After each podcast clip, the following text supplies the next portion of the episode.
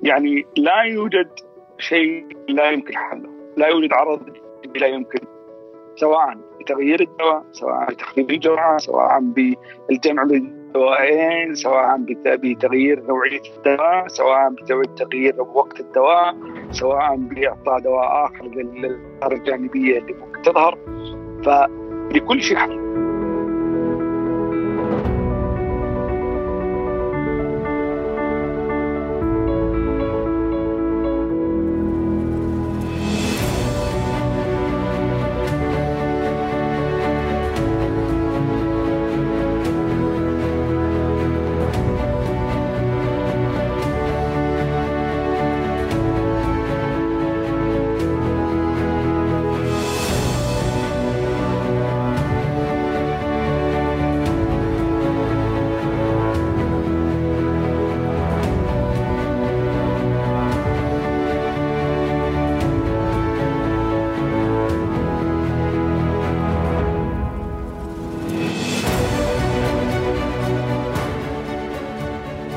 أهلا بكم يا أصدقاء. اليوم حلقتنا مع الدكتور سعيد عسيري استشاري الطب النفسي وتخصص الدقيق هو اضطرابات المزاج. تكلمنا عن اضطرابات المزاج وعرفنا فيها، بعدها دخلنا في موضوع الاكتئاب وركزنا بشكل أكثر على الخيارات العلاجية الدوائية للاكتئاب.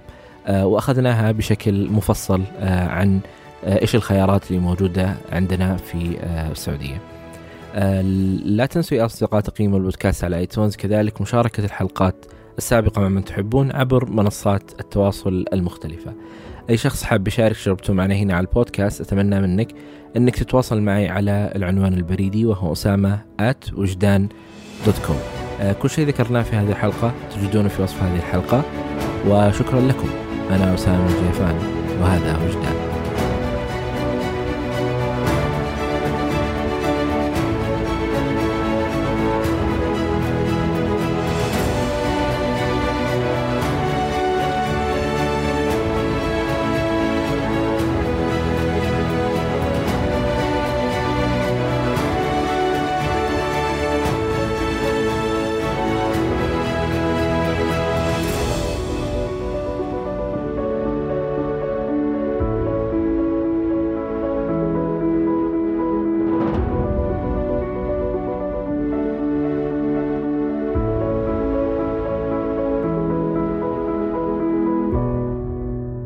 إحنا بنتكلم اليوم عن اضطرابات المزاج. وهل هذه الترجمة صحيحة لل mood disorders؟ هذه هذه هذه الترجمة الدارجة الموجودة الآن ال mood disorder اضطرابات المزاج. وهي صحيحة إلى إلى نوعا ما. ف يعني هذا هذا المتعارف عليه في بين بين الأوساط العلمية. آه طيب آه لو نبغى نعرف آه اضطرابات المزاج بشكل عام. اضطرابات المزاج هي هي عبارة اضطراب كبيرة شوي تشمل الكثير من الاضطرابات. عن الاكتئاب الاضطراب الوجداني ثنائي القطب اضطرابات المزاج المتعلقه بال بالقلق والتوتر واكتئاب ما بعد الولادة والأشياء هذه كلها. فالمسألة تتعلق بأمراض نفسية وليست عقلية غالبا. ف يعني اضطرابات المزاج ممكن أن تكون حالة عابرة وممكن أن تكون حالة مرضية وعندما تصبح حالة مرضية نسميه اضطراب في هذا العام بمعنى أنه في عندنا أكثر من من من اضطراب وما ذكرت أنه يمكن هذا التعريف يكون عام بشكل كبير. لو جينا على أكثرها شيوعا وأكثرها انتشارا أقلها عندنا يعني أقصد في في المملكة هنا لو اخترنا منهم ثلاثة مثلا.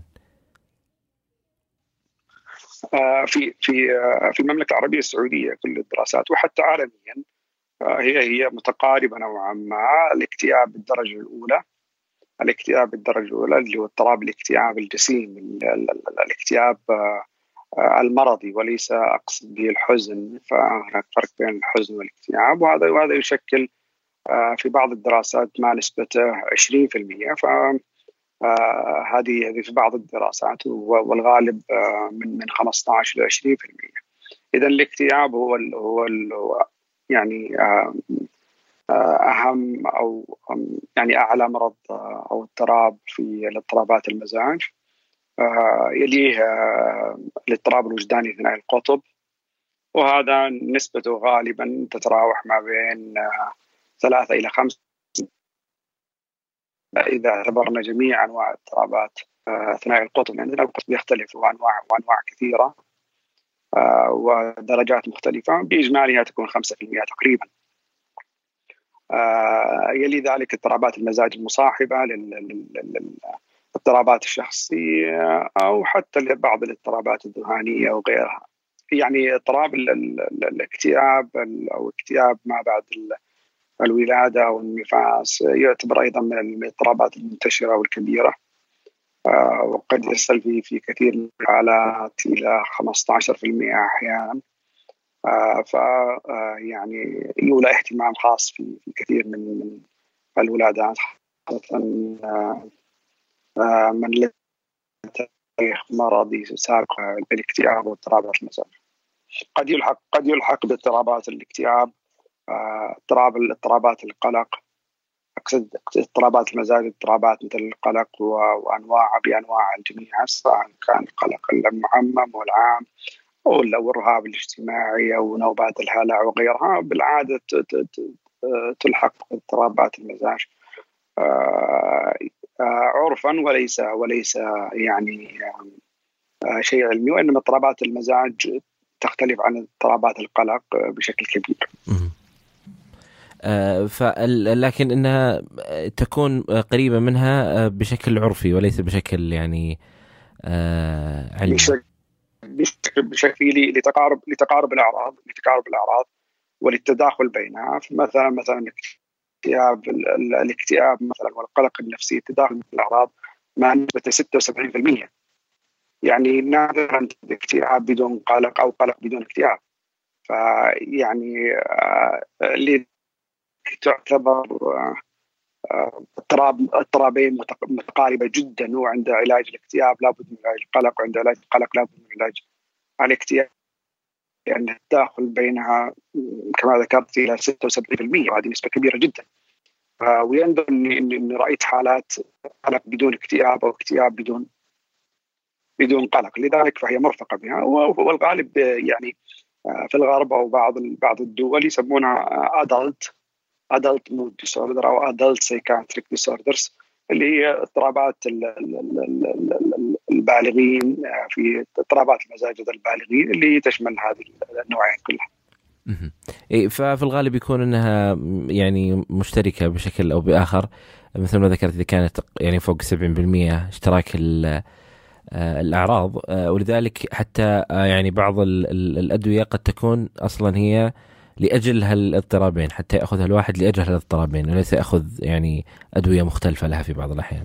إيه؟ بالضبط بالضبط يعني في كثير من الأحيان نستخدم مضادات الاكتئاب أو غيرها وهي تفيد في كلا الحالتين طبعا هنالك بعض بعض بعض النظريات تقول إنه إنه والله أو أو بعض الكلام حول مسمى مسمى مضادات الاكتئاب فهي ليست مضادات اكتئاب بمعنى مضادات اكتئاب أنها فقط تستخدم للاكتئاب وإنما سميت بذلك لأنها استخدمت في البداية لعلاج الاكتئاب لكنها تفيد في كثير من الاضطرابات القلق النفسي. فاضطراب مضادات الاكتئاب هي مس مس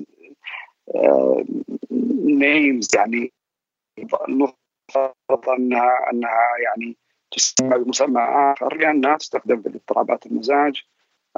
في الاكتئاب في القلق في الوسواس القهري في الرهاب الاجتماعي في نوبات الهلع يعني تستخدم في كل في كل هذه الأشياء فليست مخصصة للاكتئاب فقط لكنها سميت من بدايتها بسبب اكتشافها لعلاج الاكتئاب ثم جرى العرف على أنها مضادات الاكتئاب لكنها تستخدم للجميع وهذا الغالب. لذلك يعني بحيث إنه ممكن الشخص لما يشخص الطبيب بالقلق أو يشخصه بالوسواس القهري ويصرف له مضاد اكتئاب ويروح يقرأ النشرة أنها فعلا مضاد اكتئاب لا يعتقد إنه هو الشيء للمضاد الاكتئاب لا هو أو يستخدم أيضا لل... لعلاج الاضطرابات الأخرى. بالضبط بالضبط لذلك ال psychoeducation أو الشرح الوافي للمريض عن الحالة وعن عن عن الدواء وأنه ليس مجرد مضاد اكتئاب وإنما هو آه، دواء لكثير من من اضطرابات القلق والوسواس القهري وغيرها. وأن اسم مجرد اسم فقط وإلا فهي تستخدم في كل في كل الحالات في كل الحالات. لذلك يجي يجي الدور الكبير على ال psychoeducation وإنه آه، يقضي المريض مع مع الطبيب فترة جيدة للشرح الوافي حولها. لأنه كما ذكرت ممكن يقرأ النشرة أو يقرا شيء آه، في آه، الانترنت أو غيرها ويتبادر لديهم أنها لا اكتئاب. طيب الآن لو بغينا نعرف إنه في في معرفتنا للفرق بين تغير المزاج آه، واضطراب المزاج آه، إذا بنأخذه في موضوع ال ال الاكتئاب كمثال آه، طبعا لكي نشخص اضطراب الاكتئاب لابد لابد أن يكون الأعراض متوفرة لديه لمده لا تقل عن أسبوعين بشكل دائم بشكل يومي أغلب اليوم. آه هذا واحد. اثنين لابد أن تكون مؤثرة على الشخص عمليا واجتماعيا حتى أستطيع التشخيص. ثم من بعدها تأتي الأعراض سواء كانت الأعراض الأساسية اللي هي عرضين أساسي آه، مهمة هي هي هي الشعور بالحزن آه، أو الشعور بعدم لذة الحياة.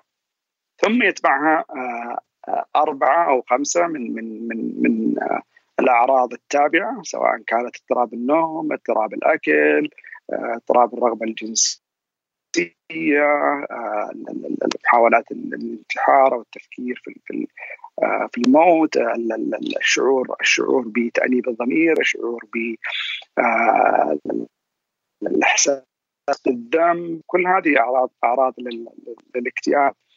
لكن يشترط أن تكون ما لا يقل عن عن أسبوعين وأن تكون مؤثرة فعلا على الحياة الاجتماعية والعملية. وأن تكون أيضا يعني يعني نوبة كاملة بشكل مستمر يومي يعني كل اليوم أغلب اليوم.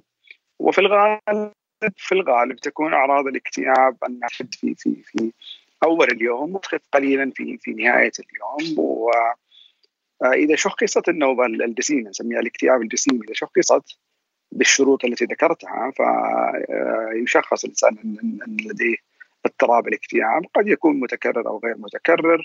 عاد آه هذه أشياء أخرى يعني آه النوبة إذا حصلت فهو تشخيص اكتئاب ثم بعد ذلك قد يتكرر هذه النوبة كل سنة كل سنتين كل ثلاث أو لأسباب معينة أو آه، يعني ظروف معينة أو أحيانا بدون أسباب واضحة قد تتكرر النوبة واحيانا اكتئاب متكرر أو معود للشخص. وفي الغالب ممكن يعني في الممارسات في العيادة دكتور آه، الناس يجون ما هو بعد أسبوعين لا بعضهم يجي بعد سنتين أصلا بعد شهور عديدة. آه، للأسف هذا هو الواقع يعني بعد بعد أن يصبح الاكتئاب مؤثر عليه بشكل كبير جدا ويؤثر على حياته الاجتماعية والأسرية والعملية وتبدأ المشاكل في مثلا وعدم الخروج من المنزل وتبدأ الأفكار الانتحارية مثلا أو تبدأ يبدأ محاولة ايذاءات و يعني حياته الاسريه مثلا تتفكك ما يخرج مع الناس ما يجتمع مع الناس. ويبدأ الناس يلاحظون. يبدأ الإنسان آه، آه، seek medical advice يبدأ يروح للطبيب النفسي. آه، والغالب أنه يكون متأخر جدا. نادرا أنك تجد شخص يعني بعد أسبوعين أو ثلاثة أو شهر من حدوث الاضطراب أو المرض إنه والله يعني يستشير مختص. الغالب يحاول البحث عن أسباب أخرى. آه، لأسباب اجتماعية أو لأسباب عرف أو لأسباب آه، أحيانا هروب من الاستجمة أو وصمة العار أو غيرها مثل إنه يذهب للشيخ أو القارئ أو يأتي من ينصح فيقول له يعني حاول تقترب من الله عز وجل حاول حاول إنك تفعل إنك تسوي إنك تسوي رياضة أشياء زي كذا هذه عابرة. ويكثر الخلط يعني ما بين الحزن والاكتئاب. فياتي هذه القضية. يعني الحزن إحنا إحنا نعرفها دائما باعراض اكتئابية لكنها لا تصل إلى مرحلة الاكتئاب. والحزن قد يكون نتاج تأثير مباشر إما لفقد وإما لغيره. آه، ولا يدوم ولا يسبب اكتئاب جسيم بالتعريف اللي ذكرنا سابقا. فيصير يحدث الخلط بينها. ويظن الإنسان الذي هو مجرد حزن بسيط عابر قد قد يذهب ولا يحتاج إلى إلى إلى مراجعة مختص. اضيف إلى ذلك انه إنه قد يعني بسبب الأعراض الجسمانية للاكتئاب. بسبب الأعراض الجسمانية للاكتئاب. مثل مثل الخمول، الكسل، الضعف الجسدي، آه، الآلام الجسدية المزمنة، الصداع، الالام التنميل، آه، آلام المعدة، الأشياء هذه كلها. آه، تجعل الإنسان قد يتجه إلى ال إلى ال إلى, ال إلى أطباء الأمراض العضوية كأطباء الباطنة أو المخ والأعصاب أو غيرها ويبدأ في دوامة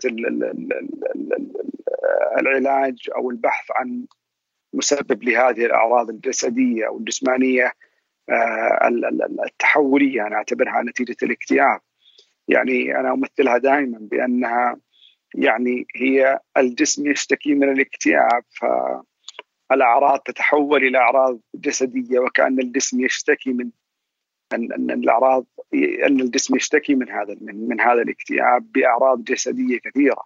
كما ذكرت اما أعراض جهاز هضمي أو أعراض تتعلق بالمخ والأعصاب أو أو أو, أو, أو الخمول الكسر الدم والإجهاد كل هذه اعراض أعراض مصاحبة لأعراض الاكتئاب لذلك آه، قد يعني يلتبس الأمر على كثير من الناس ويبدأ في دوامة البحث عن علاج لهذه الأشياء ظن منها ان أن المشكلة آه، عضوية آه، ويتأخر عن العلاج النفسي. إي ف مثل ما قلت يصل إلى المرحلة اللي هو مر على يمكن كل الأطباء إلا الطبيب النفسي.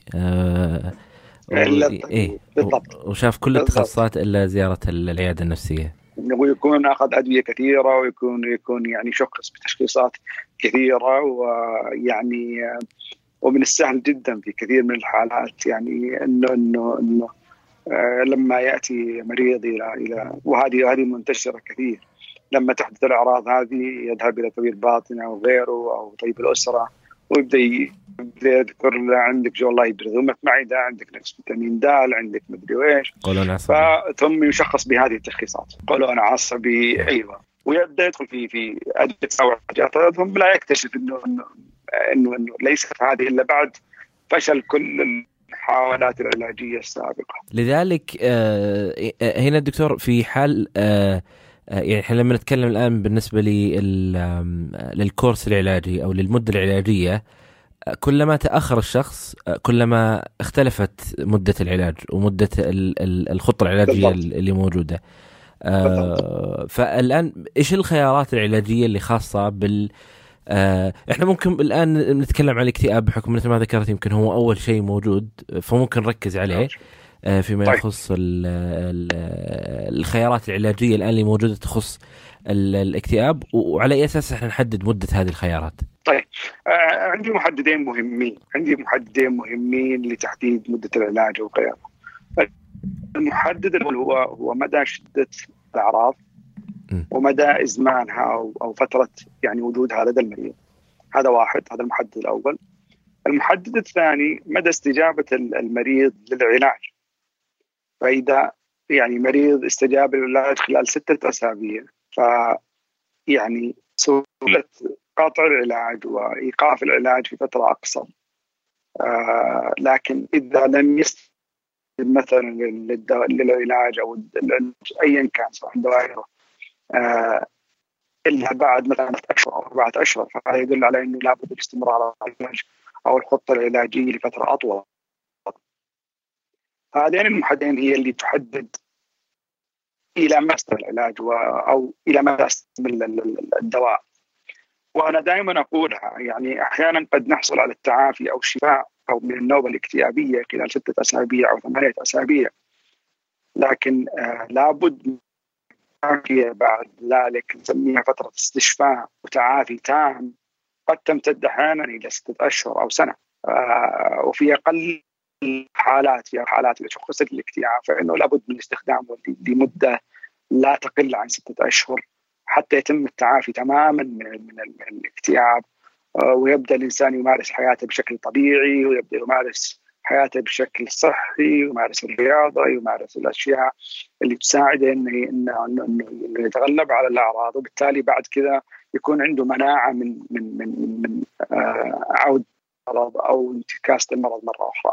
آه لكن إذا استعجل المريض في إيقاف العلاج أو إيقاف الخطة العلاجية آه فيعني تكاد بالنسبة تكون تكون عالية جدا تصل إلى إلى إلى إلى, إلى آه، يعني شبه 100% إن إن إن المرض سيعاود.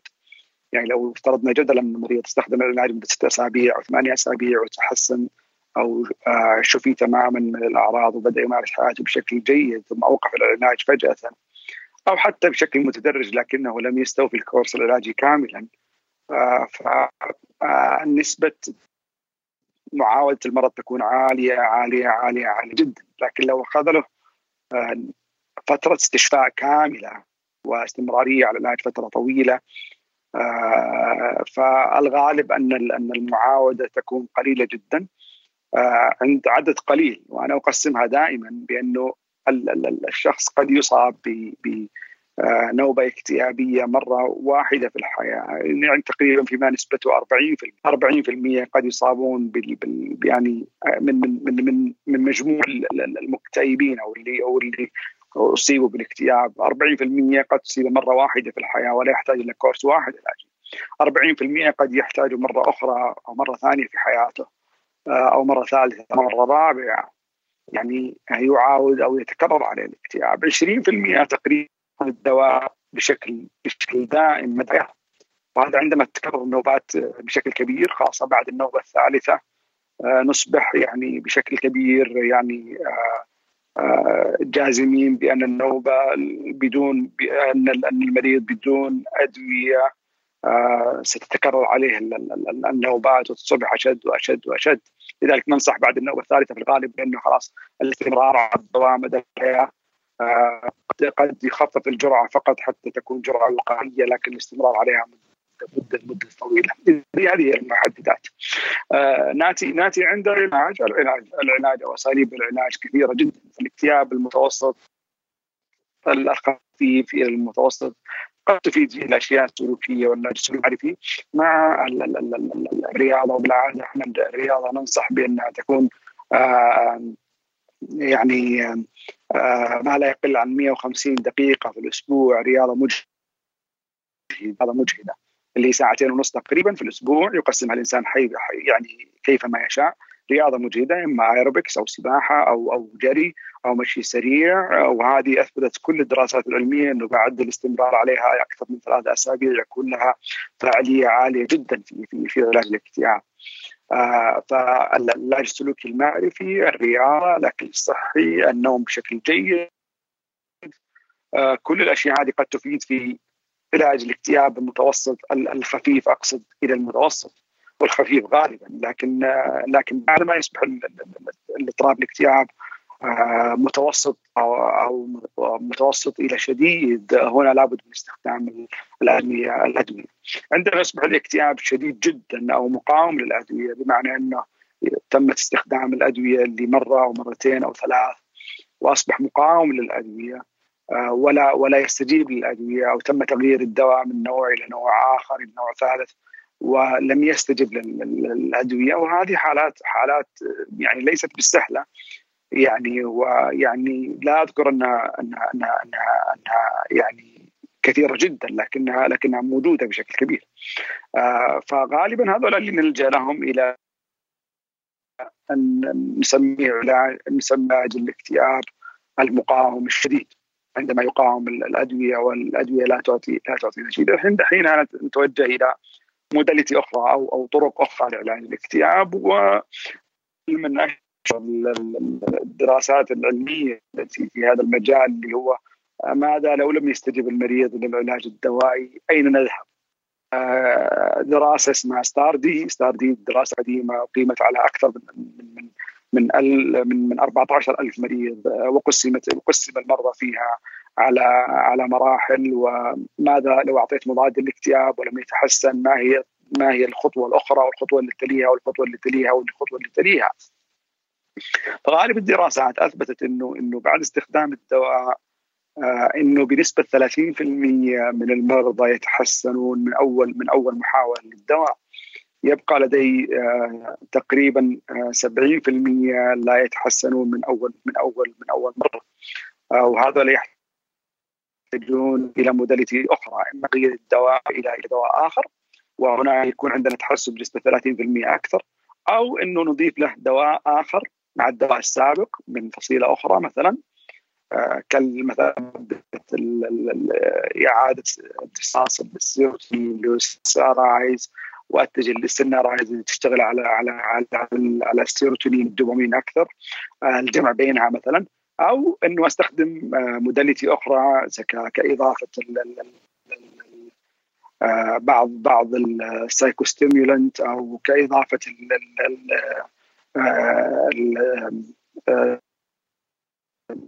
ادويه الغده الدرقية أو يعني استخدام كذا وسيلة أخرى تعطي نتائج أخرى. وجدوا إنه إنه فعلا تعطي نتائج جيدة إنه يصل تصل إلى 60% من التحسن من من المرضى يصلون إلى إلى التحسن التام بعد استخدام الطرائق الأخرى. يبقى لدينا مجموعة ثانية إنه والله لا تستجيب لا لهذا ولا لذاك. آه وحينها لابد أن ندخل في نسميه اكتئاب نفسي شديد مقاوم. وفي هذه الحالة ال ال ال ال ال ال العلاج قد يكون آه طبعا مع الاستمرار على العلاج الدوائي مع الاستمرار على العلاج الدوائي لأنه يخلط كثير من الناس. يظن مثلا إنه استخدام مثلا بالصدمات الكهربائية أو ال ECT إنه والله علاج نهائي وخلاص. يعني أنا باخذ 10 جلسات 12 جلسة 16 جلسة وخلاص أشفى من الاكتئاب وأوقف اوقف كل شيء. لا إحنا إحنا نضع ال ECT أو العلاج بالصدمات الكهربائية اللي اللي ينقذ الإنسان من النوبة الاكتئابية ويخرج منها خاصة في أفكار انتحارية وميول انتحارية ومحاولات انتحارية وعدم استجابة للأدوية أو كان المريض وصل لدرجه لدرجة شديدة من الاكتئاب درجه التخشبية وعدم الأكل وعدم غيرها وممكن يأثر على حياة الإنسان. نستخدم ال ECT لتخرج من النوبه وغالبا يتحسنون مع بداية الجلسة الرابعة الخامسة السادسة ويوصل إلى الشفاء التام في حدود الجلسة الثانية عشر أو السادسة عشر. طبعا لها بروتوكول معين استخدام ثلاث مرات في الأسبوع مثلا في البدايات وبعد الجلسه الثانية عشر مثلا تبدأ تتوزع تصير مرتين بالأسبوع وبعدين تصير مرة بالأسبوع مثلا وبعدين تصير مرة كل أسبوعين أو ثلاثة. ونادرا من النادر من النادر جدا إنه والله يحتاج جلسات كهربائية أو جلسات بالصدمات الكهربائية لمدى الحياة. وهذول نسبتهم قليلة قليلة جدا نسميها maintenance ECT اللي هو والله إنه يحتاج جلسة كل شهر مثلا. مع الدواء طبعا جلسة كل شهر أو كل شهرين. وغالبا هذا في, في الاكتئاب المقاوم الشديد جدا وينجح في الغالب. وأنا أقول دائما الاكتئاب هو مرض يعني غالبا أو اضطراب غالبا يشفى من الإنسان بإذن الله عز وجل. يعني ليس يعني لا نفقد الأمل عند أول محاولة أو ثاني محاولة أو ثالث محاولة في علاج الاكتئاب إنه والله آه لن أتحسن من الاكتئاب، لا على العكس تماما. الاكتئاب يتحسن تماما في غالب الحالات في غالب الحالات. آه ونادرا جدا يعني يعني انه إنه ما يستجيب للجلسات الكهربائية أو جلسات الصدمات الكهربائية. فالنسبة تصل تصل من 80 إلى 90% الاستجابة عليها. يعني نسبة كبيرة جدا أن يستجيبون لها ويتحسنون بشكل بشكل كبير. هل يحتاجها إلى فترة طويلة فترة قصيرة؟ هذا أمر أمر آخر يعني يفصل الأمر على كل حاله بحسبها. آه وال ECT يعني مشتهرة ومنتشرة وقديم استخدامها وأثبتت فاعليتها و آه يعني عدم ضررها بالإنسان. بالعكس يعني آه حتى أنه يوصى فيها بها لكبار السن و الحوامل أيضا اللي ما يستطيعون يأخذون أدوية أحيانا في بعض الحالات. فهي آمنة جدا إلى درجة كبيرة جدا. كل الآثار الجانبية المصاحبة للعلاج الكهربائيه أغلبها هي مصاحبة لعملية التخدير فقط. لعملية التخدير فقط. آه، يبقى عندي شيء بسيط جدا. قد قد يصبح عند الإنسان ضعف في الذاكرة خفيف. أو في الذاكرة المستقبلية نسميها اللي هي اللي هي الانتجريت امنيزيا انه والله يصبح عنده صعوبة في الحفظ مثلا أو الاستيعاب نوعا ما لا يستمر فترة طويلة ستة أشهر فأقل آه، وبعدها يزول تماما. يعني هذا هي هذا هو العرض الجانبي اللي إحنا إحنا حريصين عليه. آه، لا تستخدم في بعض حالات اللي اللي والله عندهم يعني بعض ال بعض ال الأمراض في الدماغ ارتفاع ضغط ضغط آه، الدماغ أو أو بعض اللي عندهم انيوريزم في الدماغ يعني تضخم في بعض الشرايين أو الاورده في في في الدماغ قد لا يستخدم لهم آه، لا ينصح بهم لكن البقية مناسب لهم جدا مناسب لهم جدا وآمن جدا واستخدم لسنوات عديدة جدا يعني لعقود وهو يستخدم بدون بدون أي يعني حالات تذكر أنه صارت فيها مشاكل. آه، و يعني هو علاج آمن لكن ال stigma والبعض بعض آه، الأفكار القديمة وال, أحيانا بعض المسلسلات والأفلام والصور اللي, اللي عرضت على الناس قديما. اعطت انطباع سيء عن عن عن ال ECT واستخدامات ال ECT. يأتي بعد ذلك يعني في في في في بعض الحالات. آه، وهذا أخيرا يعني اللي هو ما يسمى بال TMS أو ال rTMS. وهذا العلاج بالموجات المغناطيسية. وهذا يعني أثبت فاعليته في أحسن الدراسات إلى 50% في أحسن الدراسات. آه، لكن ال 50% هذه يوجد بعد تحليل للدراسات انها آه، للاكتئاب المتوسط المتوسط أم الشديد فلا يجاوز لا يتجاوز التحسن فيها إلى 30% آه، وبالعادة تحتاج يعني يحتاج المريض فيها مع الدواء إلى إلى ما يقال إلى 30 جلسة.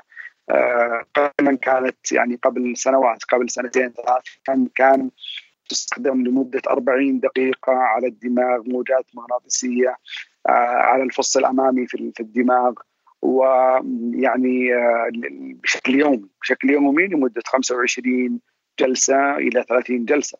الآن ال rTMS أو النوع المطور منها يعني هي ثلاث دقائق على الصدغ الأيمن وثلاث دقائق على الصدغ الأيسر. بشكل يومي لمدة 25 إلى إلى إلى إلى 30 آه، في الدراسة الأخيرة 2019 آه، حاولوا فيها بعض الأطباء تعريض المريض إلى إلى إلى الموجات المغناطيسية خمس مرات يوميا خمس مرات يوميا لمدة خمسة أيام. خمس مرات يوميا لمدة خمس خمسة أيام يعني معنى يعطى جلسة مدة ثلاث ثلاث دقائق وثم يعطى مثلا آه، راح عشر دقائق ثم يعطي الجلسة الأخرى ثم يعطي الجلسة الثالثه ثم يعطي الجلسة الرابعة والخامسة في نفس اليوم. طبعا هذه هذه modality جديدة لم لم لم يتم السماح بها إلى حد الآن لكن تحت الدراسة وجدوا انها تعطي نتائج إلى 60 70 80% في في, في هذه الدراسة. آه لكنها لم تعمم إلى حد الآن ولم تصبح يعني آه يعني common practice أو شيء آه، نستطيع تنفيذه لحد الآن لأنه لم يسمح به بالبروتوكول هذا انه يمارس في آه، العيادات وإنما لا زال تحت التجربة حتى يتم يعني اثباته فعلا إنه فعال للنوبات الاكتئابية. آه، في الآونة الأخيرة يعني أصبح الآن يعني ال FDA الأمريكية ال esketamine ال esketamine هذا في الأصل آه، هو آه، الكتامين هو هو آه، يستخدم دواء يستخدم غاية أو في العناية المركزة لتخدير المريض اللي يعاني من اعراض مزمنة ومشاكل كبيرة حتى إنه يسوي له سيديشن أو تنويم مع بعض الادويه الأخرى. وجدوا من من من من فترة طويلة وليست من الآن يعني إنه إنه الكتامين إنه يعطي تحسن في المزاج ولوحظ ذلك يعني بعد العملية إنه المريض آه، مزاجه يكون متحسن وقد يوصل أحيانا للنشوة والفرح ويبدأ يتكلم بسعادة وغيرها. ثم بدأت دراسته ثم وصرح باستخدامه كإنفيوجن.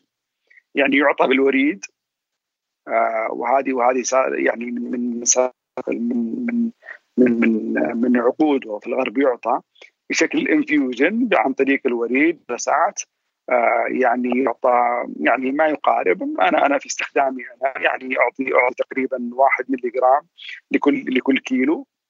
آه، تخلط مع مع مع يعني آه، المقدم normal saline العادي وتعطى على مدار ساعتين أو ثلاث وتتكرر هذه يعني مرتين في الأسبوع وبعدين لمدة شهر مثلا ثم تصبح مرة في الأسبوع ثم تصبح آه، مرة كل أسبوعين ثم تصبح مرة كل أربعة وبعدين تصبح مرة كل ثلاث أشهر ثم بعدين يتم توقيفها. وفي الغالب تعطي نتائج مبهرة جدا مبهرة جدا آه، وقوية جدا بل إن المريض وكثير من مرضاي آه، اللي طبعا أنا أول واحد تقريبا في المملكة العربية السعودية يستخدمها بدأ يستخدمها مع أنها موجوده في الغرب منذ زمن وبدأت أستخدمها من قارب من سنة تقريبا. يعني المريض يشعر بالفرق من أول جلسة من أول جلسة. بل إن تعبير بعضهم كان يقول بهذا النص يقول كأنك انتشلتني من من القبر. ثم بعدين نستمر نستمر في الجلسات حتى يتحسن تماما طبعا مع مع الأدوية. ثم بعدين نوقف نوقف جلسات الكتامين انفيوجن ويستمر على على دواء. حالات نادرة جدا في الغرب وجدتها أثناء عملي هنالك إنه والله آه، استمر على الكتامين. مدى الحياة كل ثلاث شهور يأخذ جلسة مثلا تعطي نتائج جيدة مع الأدوية. وهذه يعني منافسة نوعا ما للاي سي الكهربائية لكن كل اللي قال ما يناسبها فهذا يتناسب مع المساحه الكهربائية وهذا يتناسب مع الكتامين آه، إذا لا يناسب الكتامين إما لأسباب معينة أسباب في القلب أسباب أحيانا في في آه، ضغط الدم اسباب لأنه قد يسبب بعض الأشياء بعض الآثار الجانبية. فحينها نوقف استخدامه ويكون البديل الجلسات الكهربائيه أو أو الجلسات الكهربائيه إذا كانت تناسب الكتامين يناسب أحيانا. مؤخرا في 2019 سمح بال esketamine وهذه الدراسة يعني ال esketamine هو هو لكنه صنع على هيئة بخاخ يشابه تقريبا البخاخات تستخدم في الربو ويعطى عن طريق الأنف ويأخذ الجلسات كما يعني بنفس بنفس الوتيرة حقت الكتامين انفيوجن أو عن طريق الوريد بنفس الوتيرة اللي هي جلستين كل أسبوع وبعدين آه، لمدة شهر مثلا وبعدين تصبح جلسة كل أسبوع وهكذا. آه وهذه طريقة أصبحت سهلة جدا يعني يعني آه مريحة جدا جدا جدا.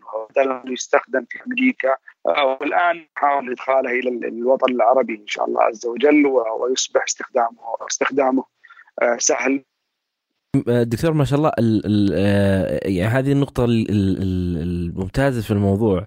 لما نتكلم عن العلاجات اللي تخص. الاكتئاب هي كثيرة جدا وال... وال... والبدائل جدا متعددة وحتى تصل إلى ولا زال آه، لا تزال بحوث قائمة أصلا وتزال الدراسات قائمة على إيجاد أيضا خيارات أكثر و... وأفضل. الآن الخيارات اللي ذكرتها دكتور آه، كلها موجودة عندنا في السعودية ما عدا البخاخ؟ ما عدا البخاخ نعم. كل الخيارات كل الأدوية تقريبا موجودة ما عدا ما عدا الأدوية القديمة جدا مع أنها موجودة متوفرة في بعض الحالات. اللي هي القديمة جدا اللي هو الماو انهبيتورز اللي هو القديمة مرة جدا. طبعا أصبح قلة استخدامها الآن بسبب آثارها الجانبية. آه، فلم تعد تستخدم بسبب اضرارها الجانبية وبعض ال وبعض ال restriction أو القيود اللي لابد أن يتخذها الإنسان. ف اصبح الآن الخيارات المتاحة كثيرة جدا. الأدوية كثيرة جدا الأدوية حتى في فصيلة ال SSRI وال tricyclic ثلاثيه الحلقة ولا ولا ال SNRI ولا غيرها كثيرة جدا ومختلفة. وأنا دائما أقول انه انه إنه آه الخيارات كثيرة ومتاحة. والذي يناسب مريض قد لا يناسب آخر آه، يعتمد على مهارة الطبيب وقدرته على اختيار الدواء وقدرته على اختيار ما يناسب الإنسان. وأنا أقول دائما اختيار الدواء للمريض يعني آه يعني لابد أن يفصل تفصيل على الأعراض. كل عرض يعني من الأعراض لنفرض جدلا إنه والله مريض عنده عنده عنده اكتئاب ومن ضمن الأعراض مثلا آه زيادة في, في, في النوم. مستحيل اني استخدم له دواء يسبب زيادة في النوم زيادة يسبب لابد أن استخدم له دواء نشاط نوعا ما. مريض آخر مثلا عنده سمنة مفرطة مستحيل استخدم له دواء يزيد يزيد الشهيه آه مريض آخر مثلا عنده ضعف جنسي مستحيل نستخدم له دواء يسبب ضعف جنسي. يفصل يفصل الدواء واختيار نوعية الدواء على المريض ثم يأتي من بعد ذلك مدى تقبل الجسم للدواء أو بمعنى أصح هل هل الدواء يصل كله بكمية كاملة إلى إلى الدماغ ويعطي نتائج جيدة؟ يعني في في بعض الحالات مثلا تكون الكبد أو إنزيمات الكبد نشيطة جدا فتكسر الدواء قبل أن يصل إلى الدم قبل أن يصل إلى الدماغ. فإذا افترضنا جدلا إذا كانت جرعة الدواء 10 من 20 ملي جرام لا يصل فعليا الا 5 ملي جرام لأن إنزيمات الكبد نشيطة. وهنا اختيار الدواء نفسه لابد أن يتغير دواء آخر. آه لا يكسر الإنزيمات ما تكسر بكميات جيدة إلى الدماغ. جيده لا نستطيع معرفتها ولا توجد لا توجد يعني يعني طرائق التحليل حتى نعرف ما هو لكل مريض تعتمد على خبرة الطبيب والأعراض الموجودة وعلى قدرته على اختيار المناسب. وأحيانا قد يكون التجربة والخطأ تعطيني بعض المؤشرات. فارماكولوجي اللي هو يبدأ يعني يعطيك مؤشر خفيف. طبعا عمم في العالم لكنه لا يزال تحت تجربة ولا يثبت ولا نتائج يعني أكيد. يحتاج يأخذ عينه من من دم من دم الإنسان أو بعض بعض التحاليل؟ ويبدأ يقول لك والله الدواء هذا يتكسر في الكبد أكثر فلا تستخدمه. الدواء هذا مثلا إنه يعني أقل سيكون أقل استجابة المريض له.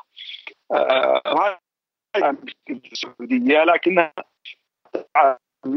ليست نتائجها ليست يعني يعني هي هي الطبيعي التقييم الكلينيكي هي ميزان الأعراض.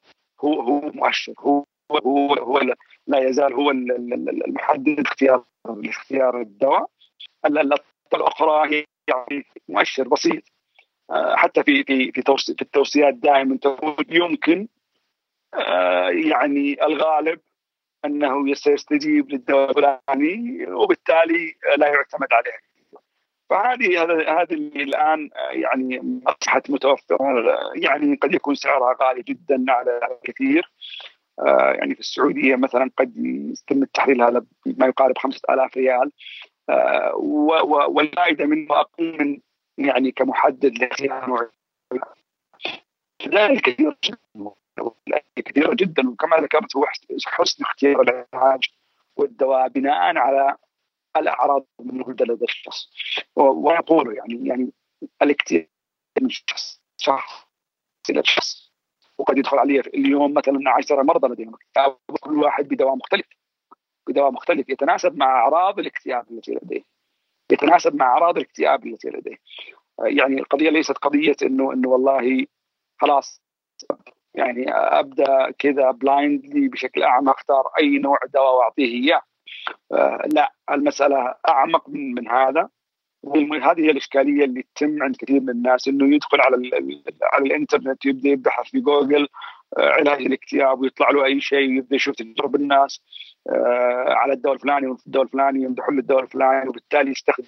ولا يعرف إنه لا يصلح لحالته لأن الأعراض اللي عنده الدواء هذا ضعيف والمفترض إنه يستخدم دواء آخر. وهذا لا يعرف إلا المختص. وأغلب اللي يستخدمون هذه الطريقة أو يستخدمون الطريقة هذه إما عن طريق النت أو استشارات غير المختصين أو يقول لك والله فلان جربه ونفع معاه أو شيء زي كذا. أغلب هذه تفشل تفشل تماما تماما لأنه لأنه لم يأخذ الدواء الانسب ولم يأخذ الأنسب له لأنه اختيار دواء عندك اختيار طريقة الاستخدام عندك عندك عندك آه، وقت الاستخدام عندك يعني المحاذير اللي لابد إن يتجنبها.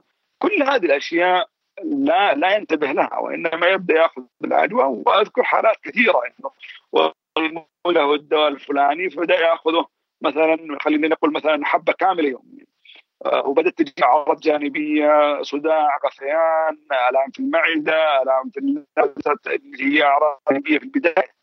تلاقينا إحنا مثلا لما أطباء نستخدم الدواء هذا تلاقينا يستخدمه مثلا مثلا في البدايات مرتين في الأسبوع. وبعدين مرة كل يومين وبعدين مرة يوميا يومية مثلا. فيعني لكل دواء له بروتوكول معين وطريقة معينة في استخدامه وإذا استخدمت هذه الطريقة ما يكون في له آثار جانبية كبيرة خاصة في البدايات.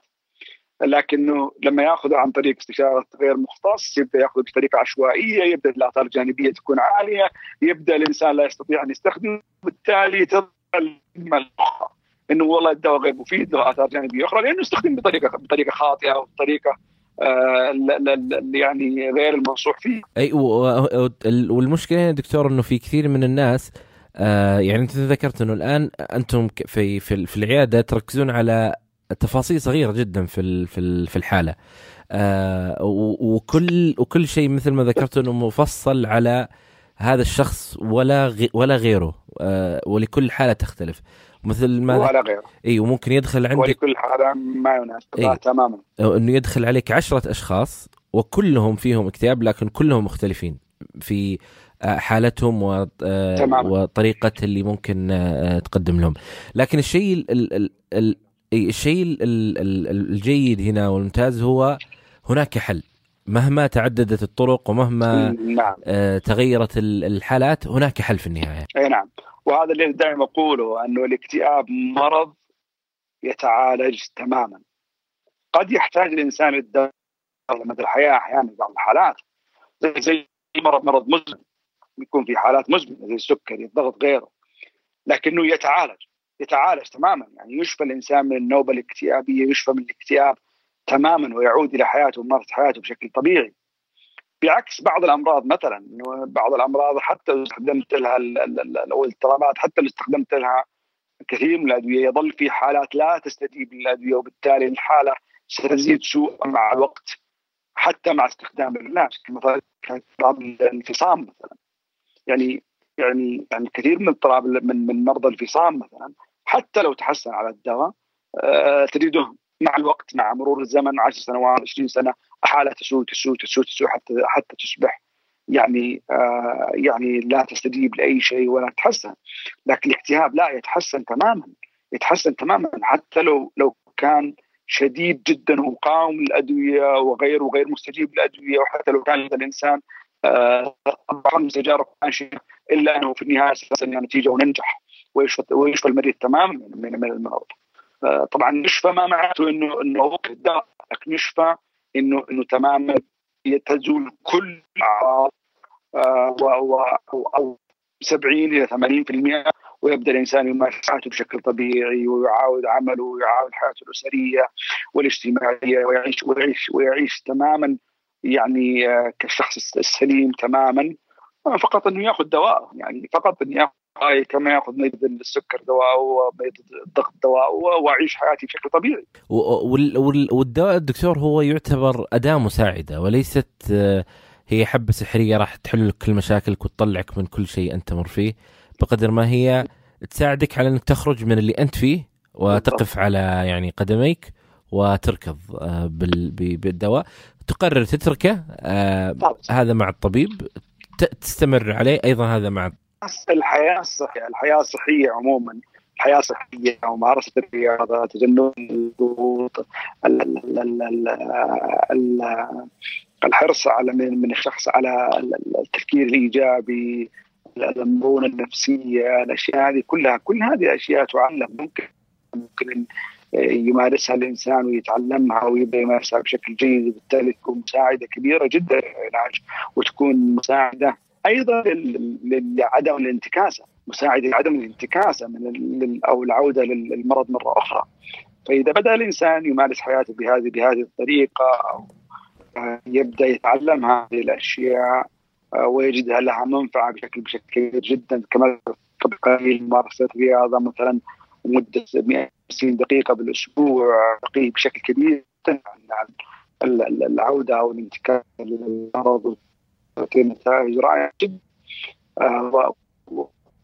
في كل في كل الملاحظات هذه كل الدراسات اللي اللي اللي نشرت انه إنه من أكثر الأشياء المفيدة جدا في الوقايه من الانتكاسة هو ممارسه الحياة صحي الرياضة الرياضه الرياضة النوم الجيد. أه، وهنا الآن دكتور بالنسبة لي النقطه اللي تخص ال ال الأعراض الجانبية الأشياء اللي أنتم تذكرونها للمريض واللي هو يتوقعها أنها تحصل له حتى لو كان في شيء هو ما يناسبه في حل إنه أنتم تعطونه دواء آخر في حل إنكم أنتم تعالجون العرض اللي يمر فيه آه، بس إنه بالضبط. يقدر يتعايش بس الأصل هو يجي ويخبر الطبيب ويناقشه ما يوقف الدواء لوحده. لكل لكل شيء حل لكل شيء حل. يعني لا يوجد شيء لا يمكن حله. لا يوجد عرض لا يمكن سواء بتغيير الدواء سواء بتخفيف الجرعة سواء بالجمع بين الدوائين سواء بتغيير نوعية الدواء سواء بتغيير وقت الدواء سواء بإعطاء دواء آخر للأثار الجانبية اللي ممكن تظهر. فلكل شيء حل. لكن الإشكالية إنه لما يستخدم الإنسان الدواء ويذهب جانبية وما يراجع طبيبه ولا يحكي له كل حاجة ولا يعطي التفاصيل في المتابعات، إذا المتابعة مهمة جدا إنه والله اظل أتابع بيدي حتى لو إنه متحسن 100% لأني قاعد أبحث عن عن كل التفاصيل الأخرى لنفرض جدلا إنه والله أعطيت مريض وهذا الغالب. يعني في بعض في بعض في بعض الحالات عندما يستخدم بعض الأدوية إنه والله آه، يتسبب سمنة نوعا ما. وهذه شيء مزعج جدا للناس. لبعض الناس وخاصة النساء والله زاد بدا يزيد وزني بشكل كبير أو استنقاص وزني. آه، لا حل. الادويه الآن. لا تزيد الوزن نهائيا. يعني يعني ولا ولا ولا واحد الدواء. فموجوده الحلول. المريض لا لا يبوح بكل شيء لطبيبة. واحيانا لا يتابع. وعندما تزيد الأعراض الجانبية ممكن العلاج يبدأ يتدمر من العلاج وإنه العلاج آه، يعني لمشاكل أكثر من فائدته. مع إنه لو باستشارة بسيطة عندما يلاحظ الآثار هذه بدأت تجي انه والله نومي زاد. مثلا أصبحت الآن كبير مثلا. فقط اذكرها لطبيبك يعني فقط اذكرها لطبيبك وهو سيجد الحل مباشرة.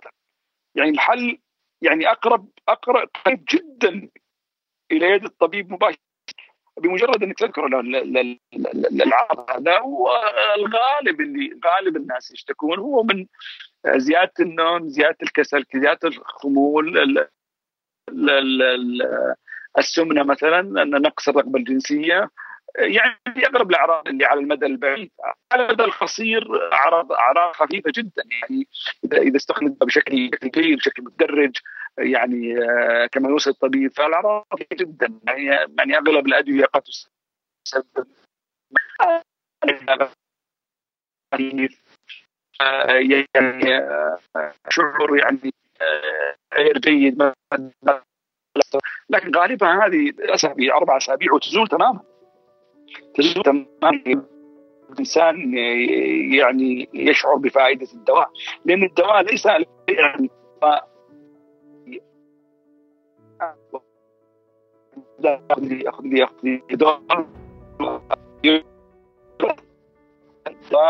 علاجي يحتاج وقت ويحتاج تدرج ويحتاج طريقة استخدامه في دواء ما يستخدم في الصباح مثلا في دواء ما يستخدم في المساء. ما يستخدم اللي بعد الأكل في دواء يستخدم يعني يعني في الدواء اللي عنده يعني ضعف جنسي في يعني لكل لكل مناسبه ولكل دواء بروتوكول معين وطريقة معينة في الاستخدام طريقه معينة في طريقة معينة. كلها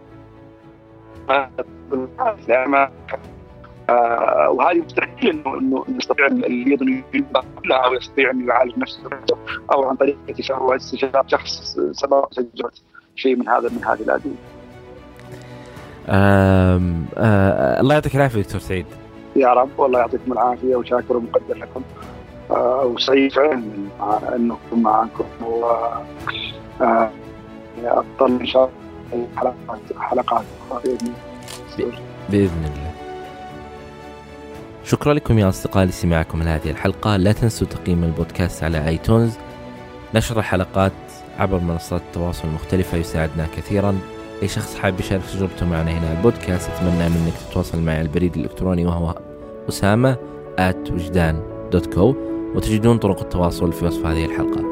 أي شيء ذكرناه في هذه الحلقة تجدونه في وصف هذه الحلقة. أه وشكرا لكم. أنا أسامة من جيفان. وكنتم